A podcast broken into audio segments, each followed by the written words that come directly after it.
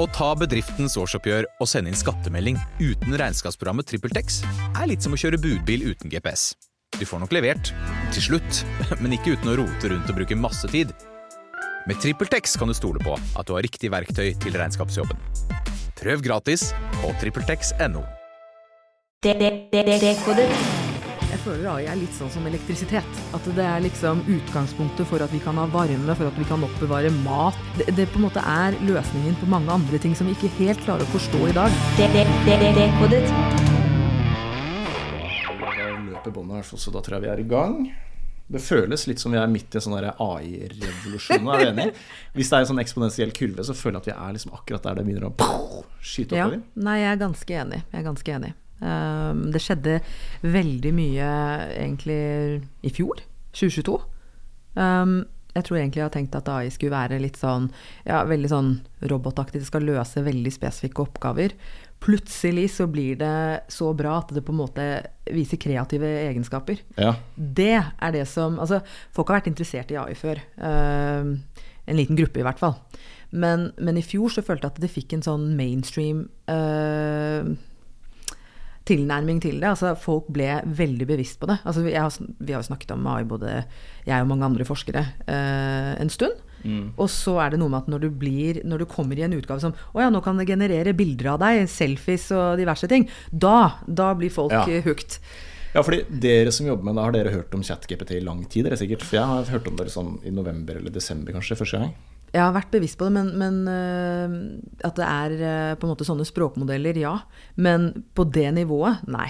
Nei. Eh, Så jeg ble også overrasket når det kom bare sånn Oi, det var skikkelig bra. Ja, ikke sant? Ja. For det blei jo da tilgjengeliggjort for folk flest, gjorde ikke det? Rett før jul sånn omtrent. Ja, Men så har det sikkert vært- 2022 med ChatGPT. Ja. Ikke sant? Ja. Og det var da hypen også begynte, var det ikke det? Når Helt liksom riktig. Alle begynte å Altså, det, det, man merker en skikkelig stor forskjell. For at som sagt, Før når man snakket om det, så var det fortsatt abstrakt. Jeg måtte fortsatt forklare liksom, hva er kunstig Ja. intelligens. Liksom, er det bare roboter? Er det Ja, det er vel ikke så spesielt. Det er vel bare som en kalkulator. Altså, de, de forskjellene der, de måtte man eh, på en måte forklare i detalj. Og, og fortsatt så forsto ikke folk det. Mens med ChatGPT så er det sånn at svigers og liksom foreldrene mine, som, eh, som egentlig ikke har hatt noen sånn voldsom interesse utover det at, eh, at jeg driver og forsker på det, de forsto det nå. Sånn, ja, det ChatGPT, ja, jeg kan skrive tale for deg. Altså, det, var, det ble mye mer pragmatisk. Ja, akkurat.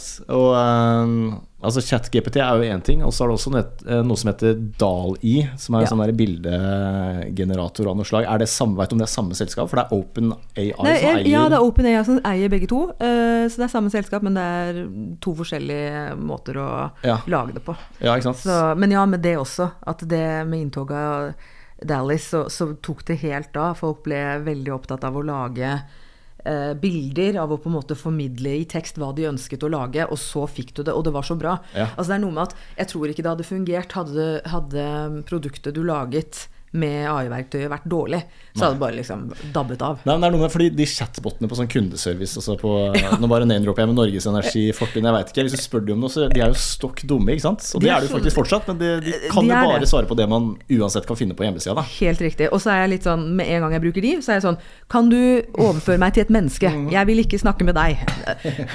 Så fort som mulig. Nettopp. Ok, ha en fin dag videre, Ja, og så sant. går du videre. Så det, veldig kjapt er jeg veldig på sånn jeg vil, ha, jeg vil ha hjelp fra et menneske, ikke deg. Ja, jeg er helt lik. Eh, og så er det jo kommet en utfordrer nå. For Google er jo Det er vel Microsoft som er tungt investert i OpenAI, har jeg lest i hvert fall, med hundretalls eh, milliarder sikkert. Og så har Google utvikla noe som heter Bard, hvis Ja, jeg ikke tar feil. Bard. Ja, hvordan fikk de det navnet, liksom? Ja, Bard. Bard. Ja. Ja, det var ikke like fancy. Men, eh, og så skal jo, jeg tror Microsoft skal implementere ChatGPT inn i Bing. Ikke sant? Og konkurrere. De har vel gjort det allerede. Har Eh, det? det har kommet ut nå. Ja. ja. Så Så, det, det- blir jo en sånn krig da mellom Google og Microsoft de neste åra, sikkert. Ja, jeg gleder meg. Det her er, det, dette er det beste med sånn type konkurranse. At, de, at det, det er vi som nyter godt av det. Altså Ja. oss forbrukere nyter godt av den konkurransen dem imellom. Ja. Eh, fordi at eh, Google har jo vært helt ubestridt den, den søkemotoren flest bruker. Ja. Eh, så jeg tror at eh, Bing før dette her eh, var liksom ikke en sånn god konkurranse til dem. Nei. Mens nå er det liksom Det er hva da, to uh, indiske toppsjefer eh, i front i begge selskapene som nå Nå, nå er det skikkelig nerdenes krig, liksom. ja. Det, det syns jeg er veldig festlig. Men er det ikke sånn ofte at de som er først ute, får liksom fotfeste? Og får, sånn som hvis, altså Coca-Cola, da. Det er jo den originale colaen. Nettopp. Så kan jo Pepsi bruke så mye penger de vil på stjerner og sånn, men det er fortsatt Cola som er original. Ja, sant? litt sånn the winner takes it all. Du kommer Ja. først i markedet, og da, da på en måte tar du det. Så Ja, ja, ja. det, det stemmer. Men hvis produktet er dårlig, så Mm. Så vil ikke forbrukerne ha noe av det. Så de har hele tiden måttet liksom step up their game og på en måte holde seg på topp. Mens nå, nå Jeg lurer på om det var Jeg leste noe om at de, de har jo egentlig forsket og drevet med dette her. De skulle jo egentlig lansere sin chat-GPT. Okay. Men så kom disse her uh, Altså det her er vel litt sånn jeg holdt på å si, Hvem er det som er førstemann ut? Mm. Så De har jobbet med, med et lignende produkt, og så, som var uh, Bard. da. Men, eh, men så er det ChatGPT som lanserte først. Ja, og ChatGPT har jo bevist at det funker bra, mens Bard har vel ikke fortsatt bevist noe som helst ennå. Nei, Jeg tror også at det kommer ut i en spesiell form for utgave. Med, jeg tror ikke Ja, Vi får se hvordan det går. Men uh, jeg håper bare at de, den konkurransen gjør at de hele tiden bare hever seg Ja. over hverandre, og, og at det blir bra for oss. Det blir en fest for oss forbrukere. Ja, ikke sant. Og hvis det bare hadde vært én aktør på banen, så hadde det vært litt skert skummelt også, med tanke på at alt er sentralisert én aktør. Fordi det er jo noen, de setter jo også noen begrensninger på dette verktøyet, ikke sant. De gjør den, den. eh, De skjønner at dette er eh, money-making business, at Ja. dette genererer mye penger og oppmerksomhet. Så, så det, det tror jeg kom på plass. Senest i dag når jeg skulle bruke ChatGPT til noe, så, så fikk jeg spørsmål ja, eh, nå kan du få en premium-versjon hvis Mm. du betaler så og så mye. Det har jo allerede funnet sted. Um, det jeg også legger merke til, er jo at altså, når ChatGPT kom, så tenkte jeg dette er jo sånn eh, besteforeldre brukte Google før, eller søkemotorer før. At eh, Kan du finne ut om eh, Om jeg kan eh, ta bussen dit Altså, de skrev ut hele setninger som om det var en person. Eh, Det er i hvert fall sånn jeg minnes at uh, internett uh, i, sine, altså i sin spede start var. At folk liksom skrev hele setninger. Eh, mens mm, egentlig så er det jo best om du på en måte plukker ut de ordene som er viktigst, ikke gir en hel setning nød nødvendigvis. Ja, ja. Sånn at nå føler jeg at å ja, nå kan vi gå tilbake til det stadiet hvor liksom gamle folk kan snakke eller skrive Ja, som de snakker, og få svar på en måte som er veldig menneskelig, da. Sånn at det, det syns jeg er litt fascinerende, at chatboten har på en måte gjort at altså Hvis du kombinerer det med eh, en søkemotor, så får du sånn som det intuitivt burde være. Det er akkurat det. Og det er litt interessant, for det er jo en språkbot først og fremst, ikke sant? Ja, det Som er veldig god til å formulere gode setninger. Ja. Eh, men den er ikke intelligent sånn, sånn som vi tenker på vanlig intelligens. Det er jo for så vidt en annen diskusjon av hva er intelligens og kunstig intelligens. Men eh, den er overraskende god til å gi, eh, gi liksom grundige, og, grundige svar, da, og gode svar på det man lurer på. Ja. Men er det først og fremst fordi den er så god til å formulere seg, at vi blir litt lurt av det? Eller Ja, jeg tror det. Jeg tror det. Eh, fordi at det, det er sånn den er trent opp. At den, eh, den er trent opp som sånn altså som, At den skal på en måte kunne gjette seg til hva som er det naturlige neste ordet. mm. Eh, og så har den fått store mengder data, sånn at det, det er på en måte ikke Den har fått en kjempefin variasjon på språket. ChatGPT fungerer jo både på norsk og på engelsk. Eh, jeg tror vi er vant til at ja, når du skal oversette, så bruker du Google Translator, og så, og så eh, på en måte er det det. Men dette er noe som gir deg et svar som genererer veldig, veldig ofte meningsfylte svar. Det er ikke de robotene som du opplever, eller chat-robotene som du opplever med liksom banken, som bare gir deg Egentlig så klipper den, limer den ut det som er på hjemmesiden. Ja, Mens dette er som å snakke med et annet menneske. Den følger opp det du sier med opp... Altså, hvis du spør om noe, så husker den det du, det du stilte av spørsmål før. Uh, den kan fortsette på det dere snakket om. Så det er en naturlig flow der, som, som er basert på hvordan den er blitt trent. Nettopp å gjette hva, hva er naturlig vil komme etter det ordet her. Nettopp. Eller den setningen her. Og så har jeg lest at den er overraskende dyktig til å dataprogrammere. Den kan kode. Uh, Ja. Og det er jo litt sånn Men det gir jo på en måte mening, for kode er jo også språk, ikke sant? Ja. Så den kanskje lærte på samme måte der, da. Helt riktig. Og det som er fascinerende, er jo hvor lang tid man kan bruke på en enkelt feil i en kode. Hvis du programmerer, og så Ok, det fungerer ikke sånn som du ønsker. Og så skjønner du ikke, du, du river av deg håret, for at du forstår ikke hvor er den feilen. Hvor er den, det ene jeg har trykket som på en måte gjør at denne koden ikke fungerer. Og så kan du på en måte få hjelp med, med ChatGPT. Sånn at det, og jeg tror på en måte den- Det som er så fascinerende, at den er så god allerede. Vi er vant til så dårlig. Vi sammenligner med liksom bankenes chatboter. Sånn at den, det spranget den har gjort, det er det som imponerer oss. Og så er det jo litt sånn at uh, vi kan bli blendet. Vi, vi, forstår på en måte ikke fallgruvene. Og det, det som er noe av det spesielle, er at du må være en skikkelig spesialist for å kunne skjønne når den bare dikter opp og lyver til deg. Eller når den på en måte Ja. For den gir jo ikke noen referanser på hvor er den har funnet Nei, det er ikke noen eh, kildereferanse. Nei. Det er jo, altså Hele internett er referansen, Mm. men hvor spesifikt er det den har funnet det? Er det en Wikipedia-artikkel som er skrevet av en eller annen, som ikke egentlig har Mm. kunnskap nok om det? Altså Du får ikke vite hvor Nei. ting er tatt fra. Og Ikke det er problematisk. Er det nesten sånn at de som har utvikla det verktøyet, er selv ikke skjønner det fullt ut 100% hvordan det funker? Nei, Tror det det? tror jeg ikke. Jeg tror, jeg tror ikke dette er eh, black box. Fordi at det har jo vært eh, eh, altså det har vært veiledet læring, sånn som jeg forsto. eh, at det er Den har på en måte hatt en del utviklere som på en måte har gått igjennom eh, tekstene som, som skal brukes. Og det er jo et det er kjempestort materiale, og som på en måte da har merket teksten som ok, denne teksten er voldelig, denne teksten er eh, politisk, denne teksten er naturvitenskapelig. Og så er det visse ting som de har tatt høyde for, for de har faktisk fulgt etiske retningslinjer. og Vi vil ikke ha med så mye av liksom, voldelige innslag og den type ting. Men det er noen som har merket tekstene, eh, eller annotert, som vi også sier, og gjort det sånn at den, den da lærer på de dataene som er ønsket å være med i det datagrunnlaget. Sånn at det er ikke Det er derfor den er så bra også, fordi når jeg har brukt den, så får jeg irriterende Altså, noen av svarene er så politisk korrekte at jeg blir litt irritert. Ja, ok. Ikke Eh, sant? Ja. bare sånn ah, Men jeg prøver jo å lure deg, og så, og så Ja. har den gjort en god jobb, faktisk. Nettopp, ikke sant? Ja, for det er litt interessant om, om den er biased på en eller annen måte, om vi finner ut det etter hvert, at den lener seg mot høyre eller venstre side av politikken. Jeg Eller om det er programmert den på sånn måte at den er politisk korrekt hele veien. Da. Det, i, i, I ganske Ja, jeg tror at den er det. I bred forstand så tror jeg at den, den prøver å være ganske politisk nøytral, men den er ikke det for tekst. Det, er jo, det kommer an på hvem som leser og hvordan du har merket den teksten. Sånn at eh, jeg tror nok du vil finne tilfeller av hvor, hvor den plutselig er veldig biased. Litt sånn i forhold til uh, hvis du ber den beskrive Og det har jeg sett tilfeller av folk som legger ut på nettet. Ja, ba om på en måte en historie eller en tekst om en professor, og så viser det seg at den professoren er mannlig, men det, har, det, kom aldri noen indikasjon på hvilket skjønn det skulle være. Eller andre ting. En forsker eller den type ting. Så det er også bias. Altså det er også skjønnsbias. Eh, men, altså skjevhet. Men jeg tenker at eh, den, for min del, de, de tilfellene hvor jeg har prøvd å lure den, så har jeg blitt overrasket over hvor politisk korrekt den er. Jeg vet at det er mange som har tatt frem at den er politisk ukorrekt, men mens jeg har opplevd at den faktisk liksom Si da, at jeg prøver å få den til å svare på medisinske spørsmål. Så jeg later som at jeg er en pasient, og så gir jeg den noen symptomer.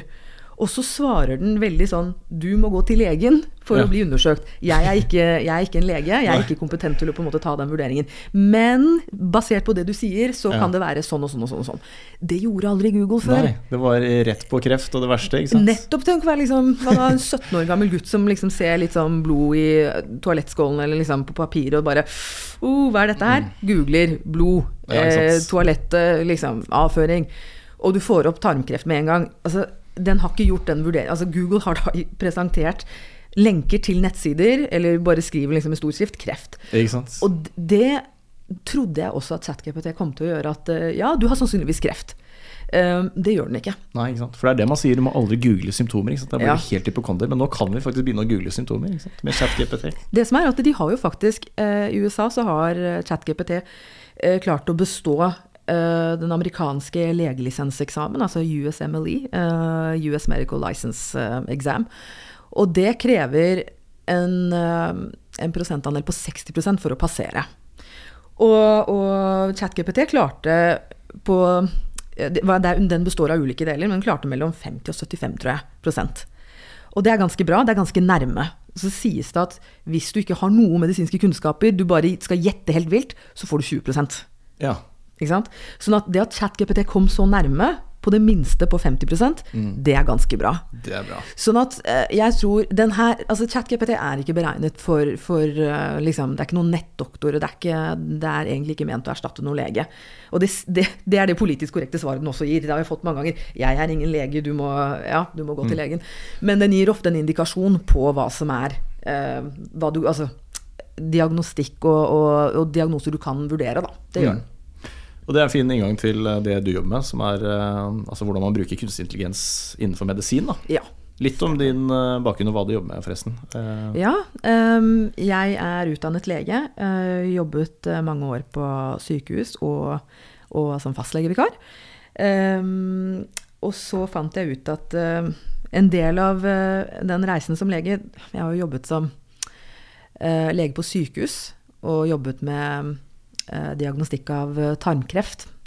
Det man gjør da for å, for å undersøke folk eh, og se om de har på en måte forstadier til tarmkreft, eller eventuelt tarmkreft, og fjerne det, det er at man går inn med et sånn fleksibelt kamera, eller sånn skop kaller vi det, koloskop.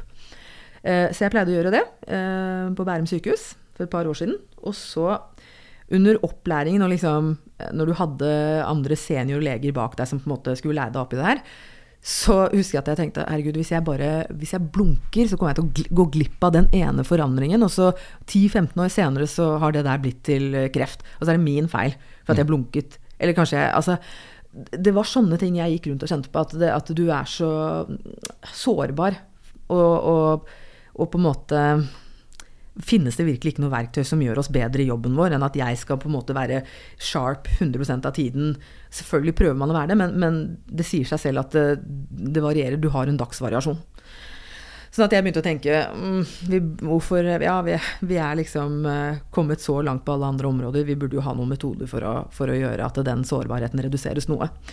Så fant jeg ut at eh, dette ville jeg forske videre på. Så dukket det opp en mulighet. eh, og dette er tilbake i 20, 2017, tror jeg. 2017, ja. Så får jeg nyss om liksom et prosjekt hvor de trenger noen som kan se på eh, hvordan man skal bruke kunstig intelligens til å se på forstadier eh, til tarmkreft. Altså det kalles polypper. Utvekster inni tarmen. Så er det sånn at eh, de aller fleste polypper de er helt ufarlige. Eh, men likevel så fjerner vi alt. Fordi at eh, vi skal være på den sikre siden. Og det, det er greit nok, men hvis du gjør det i store volum, at du fjerner absolutt alt, så øker også sjansen for komplikasjoner og det at du på en måte eh, lager hull i tarmen. Da. Du fjerner litt for mye, og så går det hull i tarmen. Det er en komplikasjon som er uønsket. Den er veldig sjelden, men det kommer helt an på hvor mange du gjør. Sånn at eh, i det forskningsprosjektet da, så, så ville vi se om ehm, AI-verktøy kunne hjelpe oss med å se forskjell på de farlige polyppene og de ufarlige polyppene. For det man tenkte var at hvis AI virkelig er så bra, eh, og hvis det kan hjelpe oss med å gjøre den vurderingen bedre, så kan vi faktisk la de ufarlige stå. De fleste er jo faktisk ufarlige. Um, og så er det sånn at med tarmkreft så utvikler det seg fra uh, en, en um, polypp som du faktisk kan se, en sånn utvekst på tarmen, så tar det 10-15 år til det blir eh, en krefttype. Altså fra du ser at det er av den typen som kan utvikle seg, til å bli til kreft. Mm. Eh, så du har, det er et langt perspektiv, men det er likevel det er jo mye greiere å kunne ta det i et stadie hvor, hvor du på en måte utgjør en liten trussel, bare. Sånn at det er en preventiv effekt av det, da. Og hvis du oppdager at, det er, eh, at den har allerede begynt å få litt sånn kreftforandringer, så tar du den også. Gitt størrelsen. Det avhenger litt der. Men, eh, så vi ville gjøre en sånn eh, forskningsstudie, og så bygget vi det videre til, til eh, to andre prosjekter som så på litt andre ting, men også AI-verktøy innen koloskopi. Så ble det en doktorgrad ut av det. Jeg disputerte for ja, noen uker siden nå, Ja, ja. så den er ganske fersk. Yes, Eh, veldig.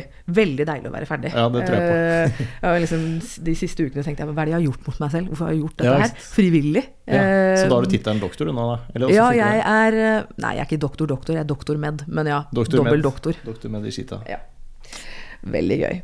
Nei, men vi, vi, det var sånn jeg kom inn i det, eh, og det er min bakgrunn. Og så eh, Nå jobber jeg i Deloitte, faktisk, eh, som konsulent, og ser på hvordan eh, man kan hjelpe folk med å implementere AI i helse.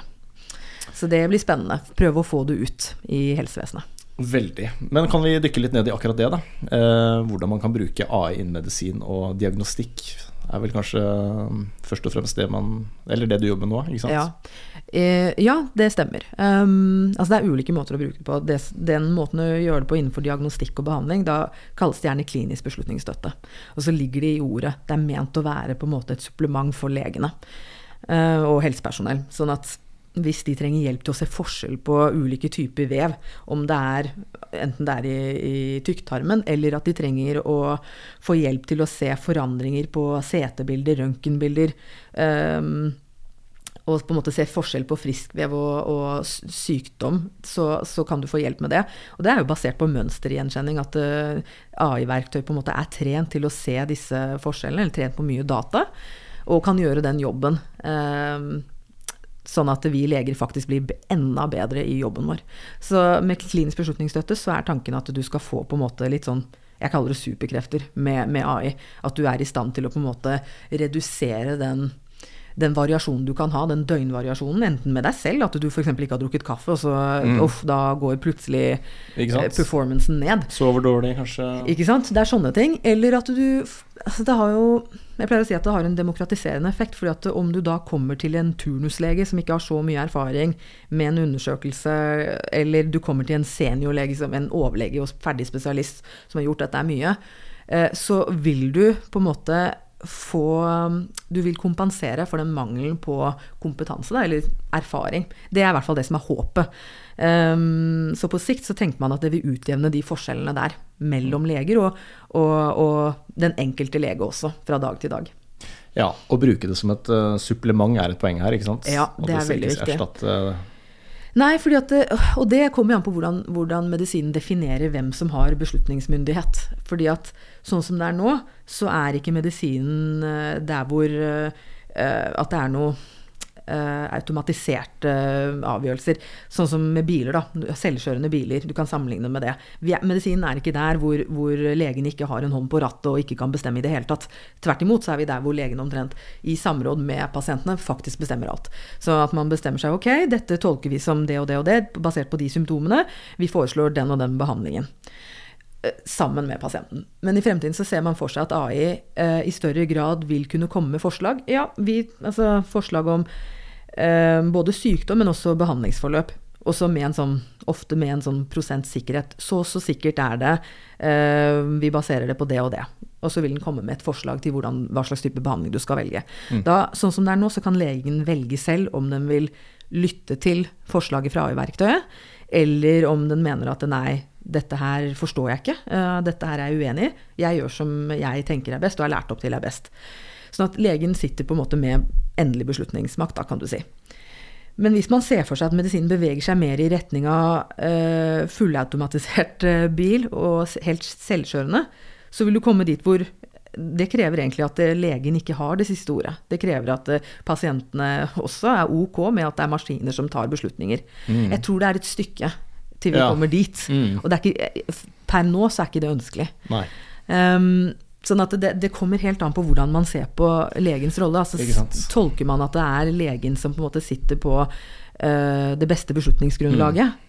Uh, overlater man uh, Altså hva overlater man til ja, maskinen? Ja, da trenger vi først å få tillit til at kunstig intelligens faktisk tar bedre beslutninger enn legen. Da, før vi kan riktig. gjøre det. Helt Men du riktig. sier altså er, det, altså er det kunstig intelligensverktøy som er i bruk på norske sykehus i dag, eller er det først og fremst i uh, studier vi snakker om her? Det er studier. Det er fortsatt på forskningsstadiet. Um, jeg tror jo at du vil se en fremvekst av AI-verktøy i mange andre bransjer før du ser det i helsevesenet. Og det er litt på av den, den altså helsevesenet vesenets natur.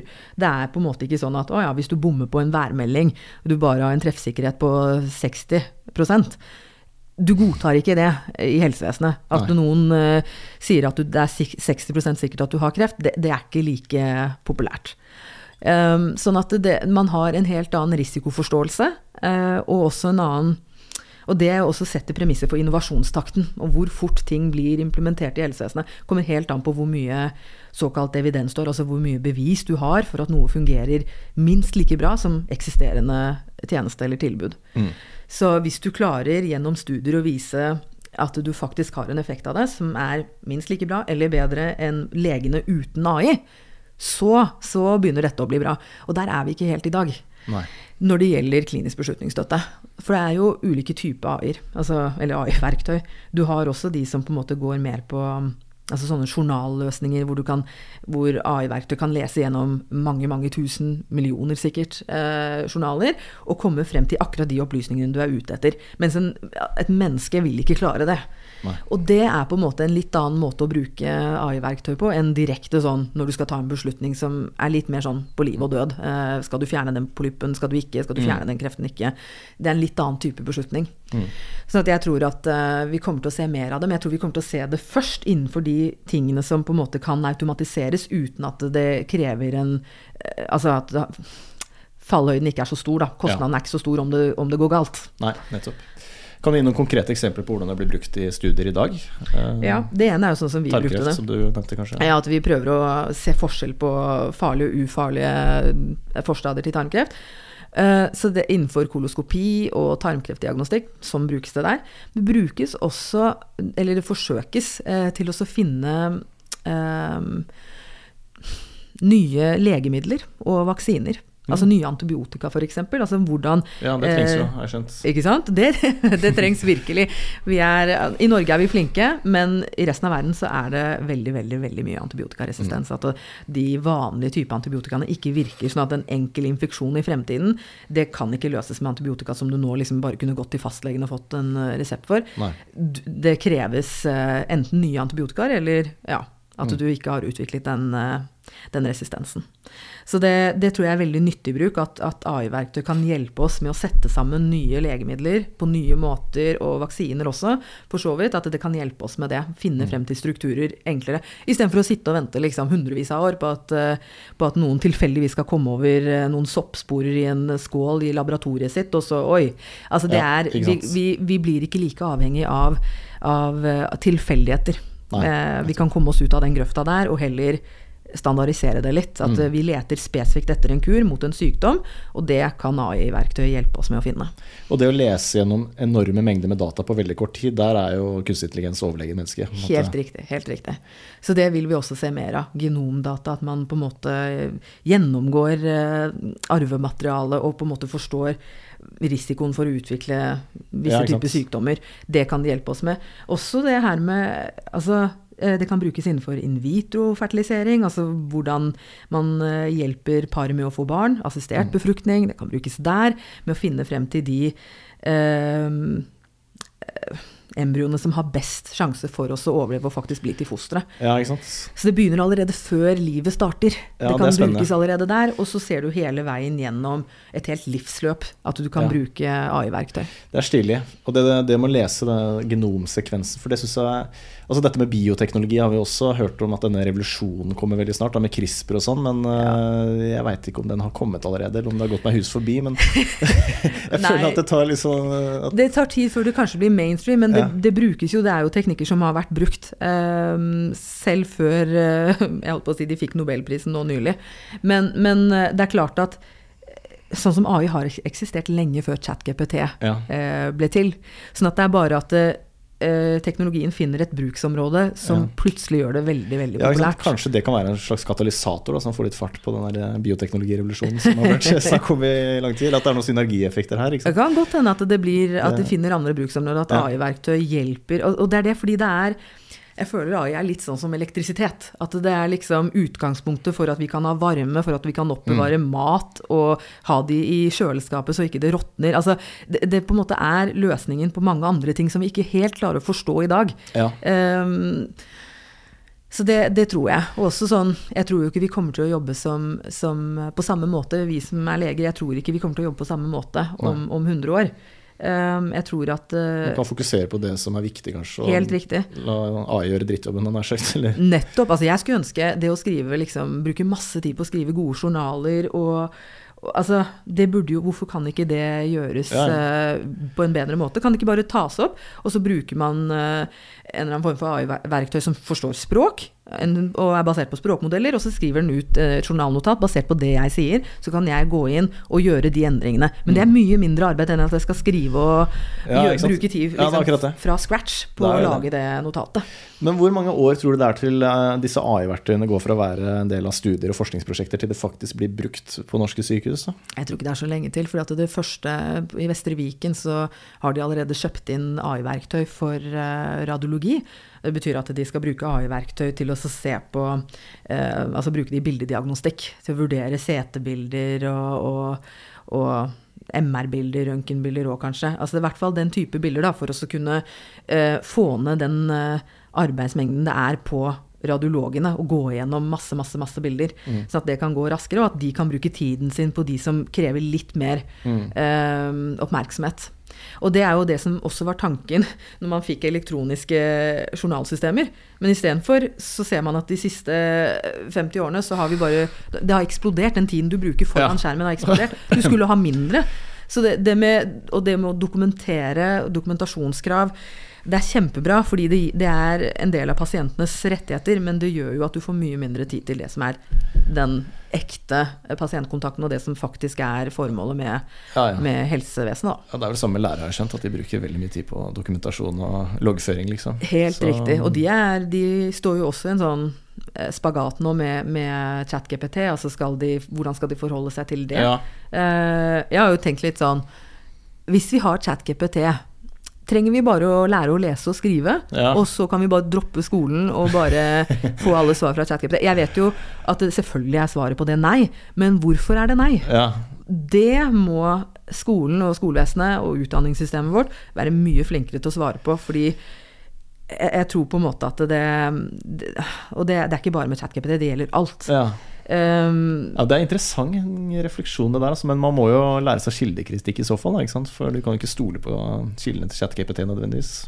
Nei, de, de oppgir ikke, oppgir ikke hvor, hvor de har fått det fra. Og altså, da, da vet du egentlig ikke om du kan stole på svaret. Og det kreves mye mer sånn spisskompetanse innen et felt. Altså, jo smalere spørsmålet er, jo mer kompetanse må du ha på akkurat det du spør om, for å skjønne om det svaret var riktig eller galt. Og det oppdaget jeg selv. Eh, hvis jeg spurte om enkle ting, for liksom symptomer eh, Ja, ok, blod i avføringen, hva kan det gi, så vil jeg teste. Ok, da fikk jeg greie svar. Det, Den klarer det. Fordi den klarte jo også å stå på den amerikanske eh, legelisenseksamen, ikke sant? så det er ikke noe rart.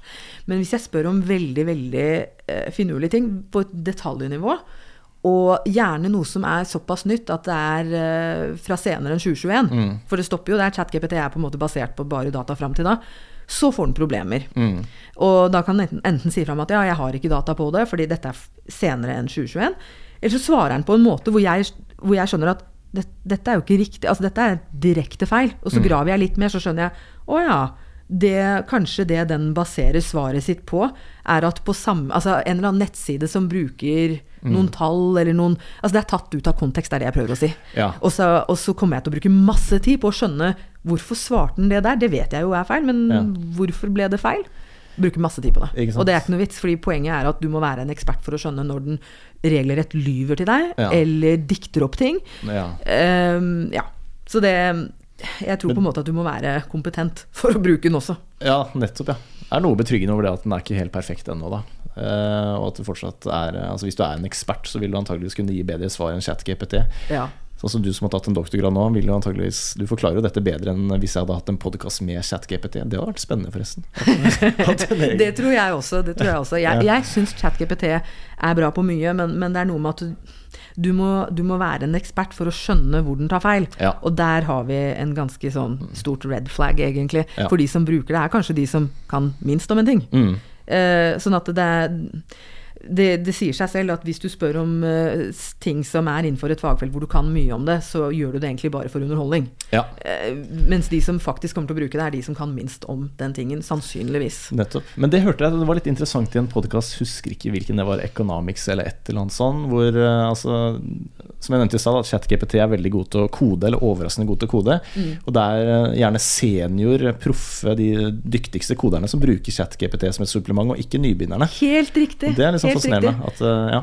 Og det, jeg gjorde det selv. Jeg skulle forberede meg til, eh, til um, doktorgraden og, og um, Jeg holdt på å kalle det public defense. Hva er det på norsk? Det er eh, Altså det er disputas. Offentlig disputas. Okay. Offentlig forsvar. Altså du skal forsvare doktorgraden din. Ja. Eh, og så må du stå da og, og holde eh, to innlegg. Det ene innlegget skal du holde som er om som et tema som du ikke kan noen ting om. For da skal de teste hvor flink du er til å tilegne deg ny kunnskap og undervise på det. Og det skal holde samme nivå som om du har forsket på det i tre år. For det er det andre innlegget du skal holde. Det er om din egen forskning. Så fikk jeg da ehm, et tema som altså immunterapi, som er ekstremt langt unna. Altså det er diametralt forskjellig fra hva jeg jobber med til vanlig. Dette er liksom kunnskapen om, om kroppens eh, eh, immunforsvar, og hvordan eh, rett og slett eh, kroppen selv angriper eh, eh, fremmedlegemer og bakterier og virus og den type ting.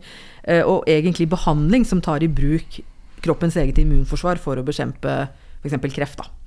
Eh, og, og det, selv om kreft og tarmkreft høres ut som det er likt, så er dette, dette er milevis unna hverandre, disse feltene her. Sånn at for meg så ble det en ordentlig test på liksom, ok, hvordan tilegner jeg meg helt nye ting.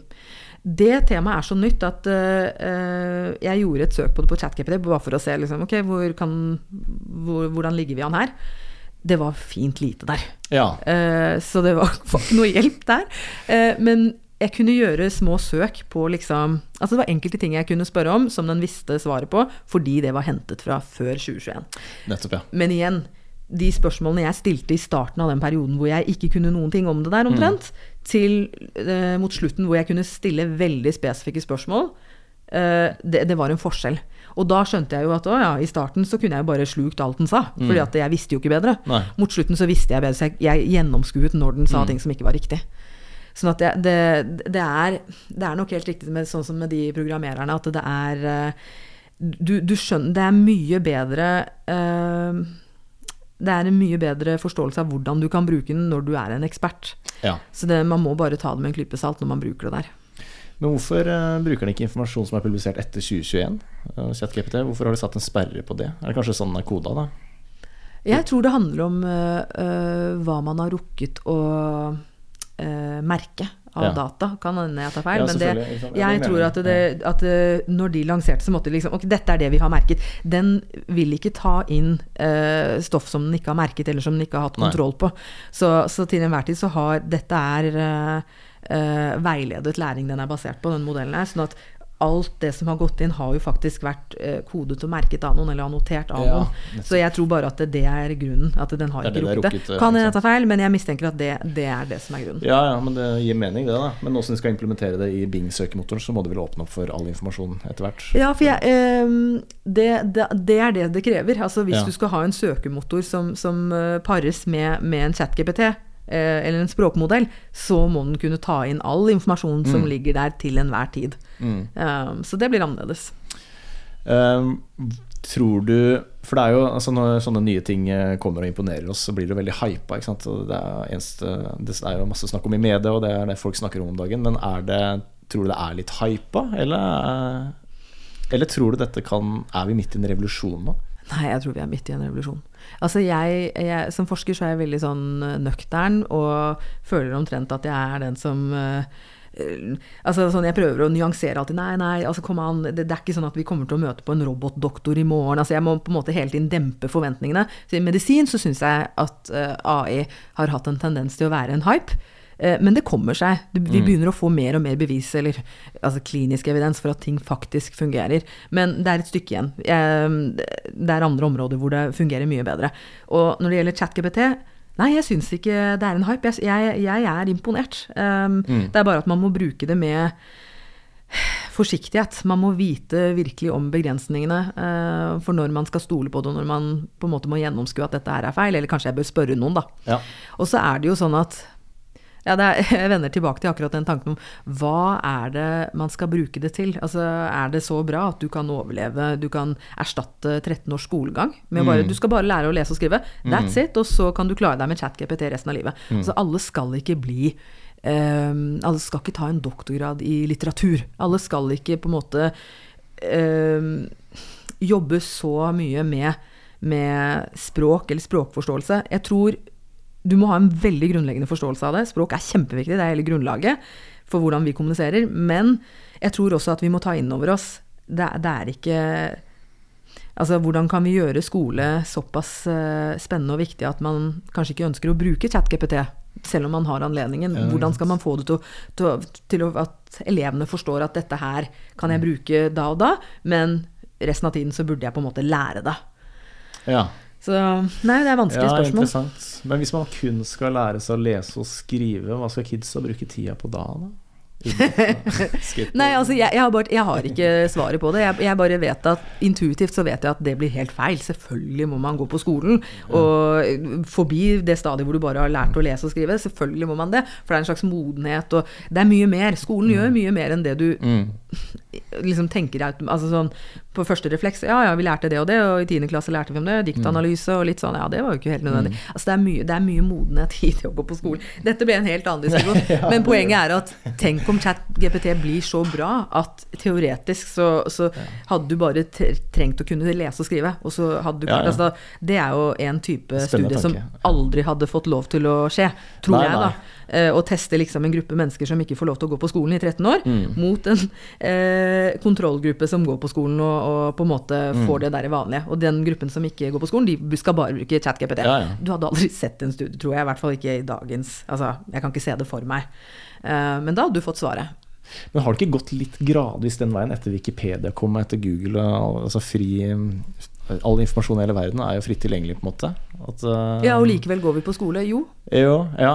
Men nå er det, det er lenge siden jeg gikk på skolen, da. Men jeg mener, det er jo tillatt å bruke Wikipedia på hvis man skriver eh, oppgaver hjemme, f.eks. Og Ja, i større grad bruke internett. Og Ja.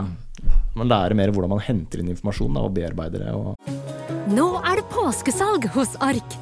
Du får 30% på påskekrim og 40% på alle spill og puslespill. Jeg gjentar Ark har 30% på et stort utvalg krim og 40% på spill. Det er mye påske for pengene. Så hamstre påskekosen i nærmeste Ark-butikk eller på ark.no. sånne ting. Enn før, kanskje? Jeg vet ikke. Jo, jeg, jeg er enig. Altså det, det ChatGPT gjør, det er jo det vi gjorde manuelt. Altså Ja. At du, finner fram tekster, setter det sammen. Gjerne varierer det så mye at læreren ikke skjønner at du har eh, på en måte Altså du må klippe og lime det inn på en sånn måte hvor det liksom både gir mening, men også ser ut som det ikke er plagiert, plagiert og du ikke bare er hentet fra et sted. Så den gjør jo det vi har gjort, bare er mye flinkere enn det vi er, og kan lese mange flere tekster. Så derfor så lurer jeg på eh, Altså, det er umulig å si nå, det er for tidlig, men er dette bare som kalkulatoren? Altså, det er ikke sånn at man har stoppet med matteundervisning Nei, fordi man fikk kalkulator. Så det er funnet en annen måte. Nå er det mer sånn Du skal bruke kalkulatoren Mm. eh, etter et visst antall år. Kanskje ikke akkurat når du begynner å lære å lese, nei, liksom regne, men, Men, eh, men etter er hvert så gjør du jo ikke Ja. Du bruker jo det på videregående. Så kanskje det blir sånn at det bare Det blir en annen type form for oppgaver du får. Ja, ikke sant. Det blir spennende å se. Men eh, ok, litt tilbake til medisin igjen, da. Ja. Det er gøy å hoppe litt òg, da. Jeg synes jeg. Men eh, kan vi se, fordi vi snakka om eh, tarmkreftdiagnostikk i stad, kan vi eh, liksom fable litt om ulike bruksområder i fremtiden som kan være kan være mulig her, da, med AI-verktøy? Annet vært enn diagnostikk. Ja. Um, jeg tror jo også sånn type eh, velferdsteknologi kan være spennende. Altså der man bruker teknologi for å på en måte løse oppgaver innenfor omsorgstjenester. Altså type Mm. altså man hadde funnet, altså Dette er jeg sikker på vil komme etter hvert. eh, men da AI-verktøy, eller roboter omtrent, som tar på eldre sine støttestrømper, eller Mm. den type ting. Altså Du har jo i dag disse robothundene. De, der ho de er hodeløse, de hundene. Og så tror jeg det er det er Boston Dynamics som Ja. eh, Nei, men det som er, hvis du ser på videoer på YouTube av disse hundene, som på en måte kan det- brukes til å lete i områder med miner, Ja, ja. de, og du vil jo ikke utsette mennesker for det, så du bruker disse robothundene. Um, så ser du i kommentarfeltet sånne YouTube-videoer hvor noen sparker borti en sånn hund, og så blir folk rasende. Oh ja, ikke sant? Så de, liksom, de, de oppfører seg som om dette her er Ja. ekte Ikke bare dyr, men kjæledyr. Ja, Um, det er interessant. så jeg tror jo at Jeg har ikke vanskeligheter med å skjønne uh, at vi etter hvert kommer dit hvor, hvor uh, vi får roboter og AI-verktøy som, som man får et forhold til. Fordi man Ja. bruker dem på en litt annerledes måte. Om det er å liksom er hjelpe sykt. deg med å komme deg opp av senga, ta på deg støttestrømper. Altså vi kan, det er jo egentlig veldig futuristisk. Det som er mer sannsynlig, er at du bruker det til å, til å monitorere eldre. Da. For Ja. eh, bleiesensor, Mm. altså, som sier ifra når det har kommet urin, sånn at du kan skifte den. Eh, og at du ikke liksom trenger å vente til det har blitt en skikkelig bekken, nyrebekkeninfeksjon, Ja, ja. liksom.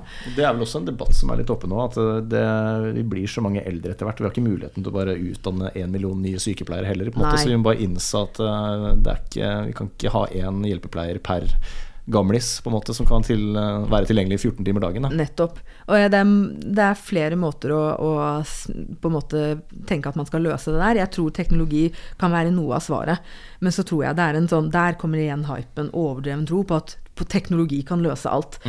Jeg tenker sånn det er fint hvis det kan løse de tingene som man ikke trenger å bruke mennesker til. Altså sånn, hvis vi kan få helsepersonell til å jobbe mer med omsorg og direkte pasientkontakt, og heller overlate disse kjedelige tingene som maskiner uansett kanskje kan gjøre bedre, hvis vi kan overlate det til dem, så hadde det vært fint. Eh, og da f.eks. med bleiesensor, så er det sånn ok, da vet man at det er ingen som blir liggende der med en, eh, en full bleie. Eventuelt at man oppdager fortere når det skulle vært urin. Dags, um, altså man måler jo også daglig urin. Så og så mye skal det være.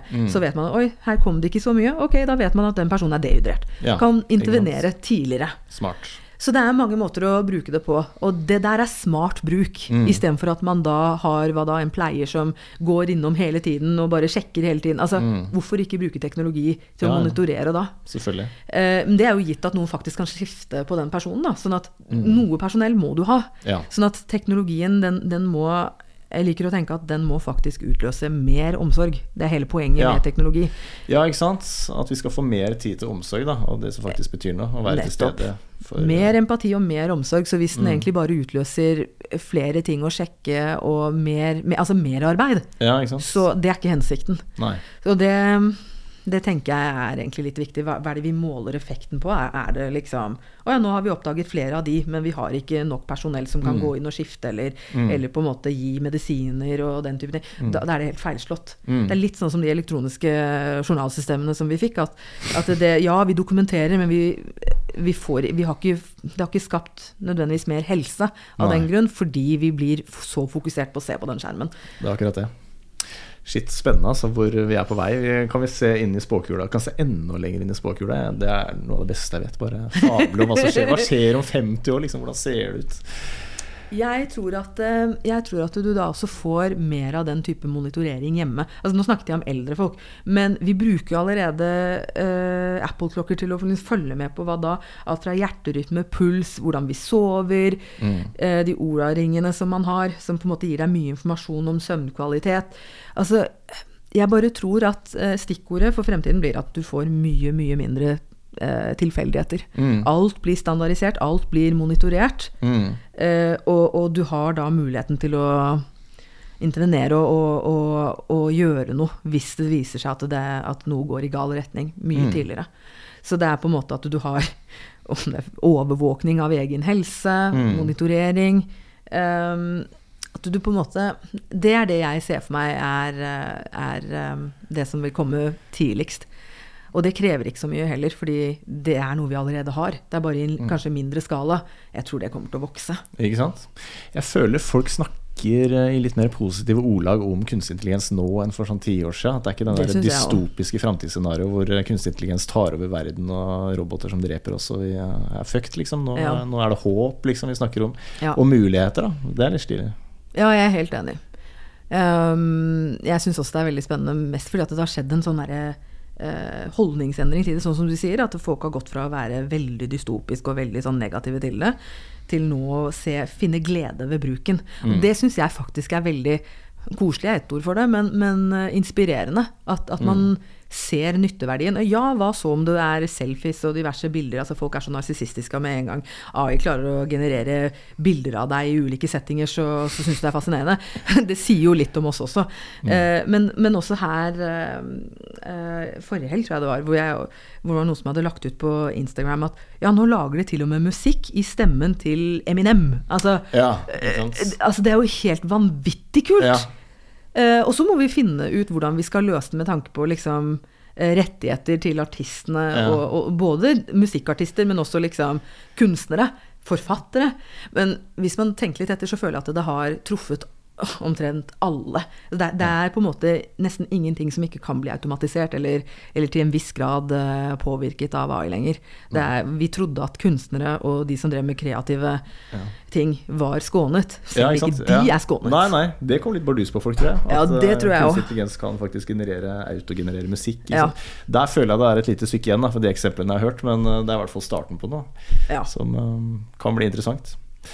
Um, og du og Inga Strømke, hun har vært i podkasten her før. Stemmer, hun skal stemmer. tilbake når hun, hun har jo nettopp eller hun har vel ikke sluppet boka ennå, men det er mulig Nei, det er forhåndssalg av boken. Ja, uh, så den må dere alle gå og kjøpe. Den på ja. Nordli. Uh, og så uh, skriver du og Inga en bok sammen også, det skjønte jeg. Så den Når kommer, kommer den? Forhåpentligvis så kommer den til høsten. og den er mer rettet inn mot helse. Ja. Så vi ser for oss at nå, nå er folk opptatt av mer sånn eh, ChatGPT og litt ja. mer sånn generell AI, og det er veldig bra. Da får de en forståelse av det. Så tenker vi at til høsten så vi drar vi dem litt mer i retning mot ok, se det mer i et helseperspektiv og mulighetene der. Stilig. Eh, og så mye skjedde i november 2022. Eller hele 2022. Mm. Sånn at jeg bare venter i spenning på hva, hva som skal skje. I, ja, det, vi, altså med denne takten her, så har det jo vært sånn med AI-utvikling. Det er liksom altså AI-vinter og som man kaller at det går litt i bølger og daler. At det er det er ikke sånn en jevn takt på det. Det er det ikke, men du og Inga blir ikke arbeidsledige med det første? jeg tror ikke det. Jeg tror ikke det. Det, det tror jeg virkelig ikke.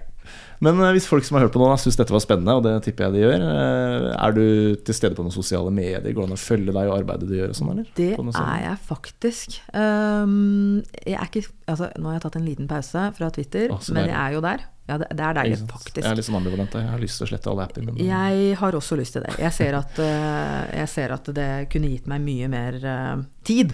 Uh, mm. Om jeg hadde slettet et par apper. Men så er jeg sånn, ok, jeg kan ikke være så sur på meg selv. Jeg har faktisk ikke TikTok.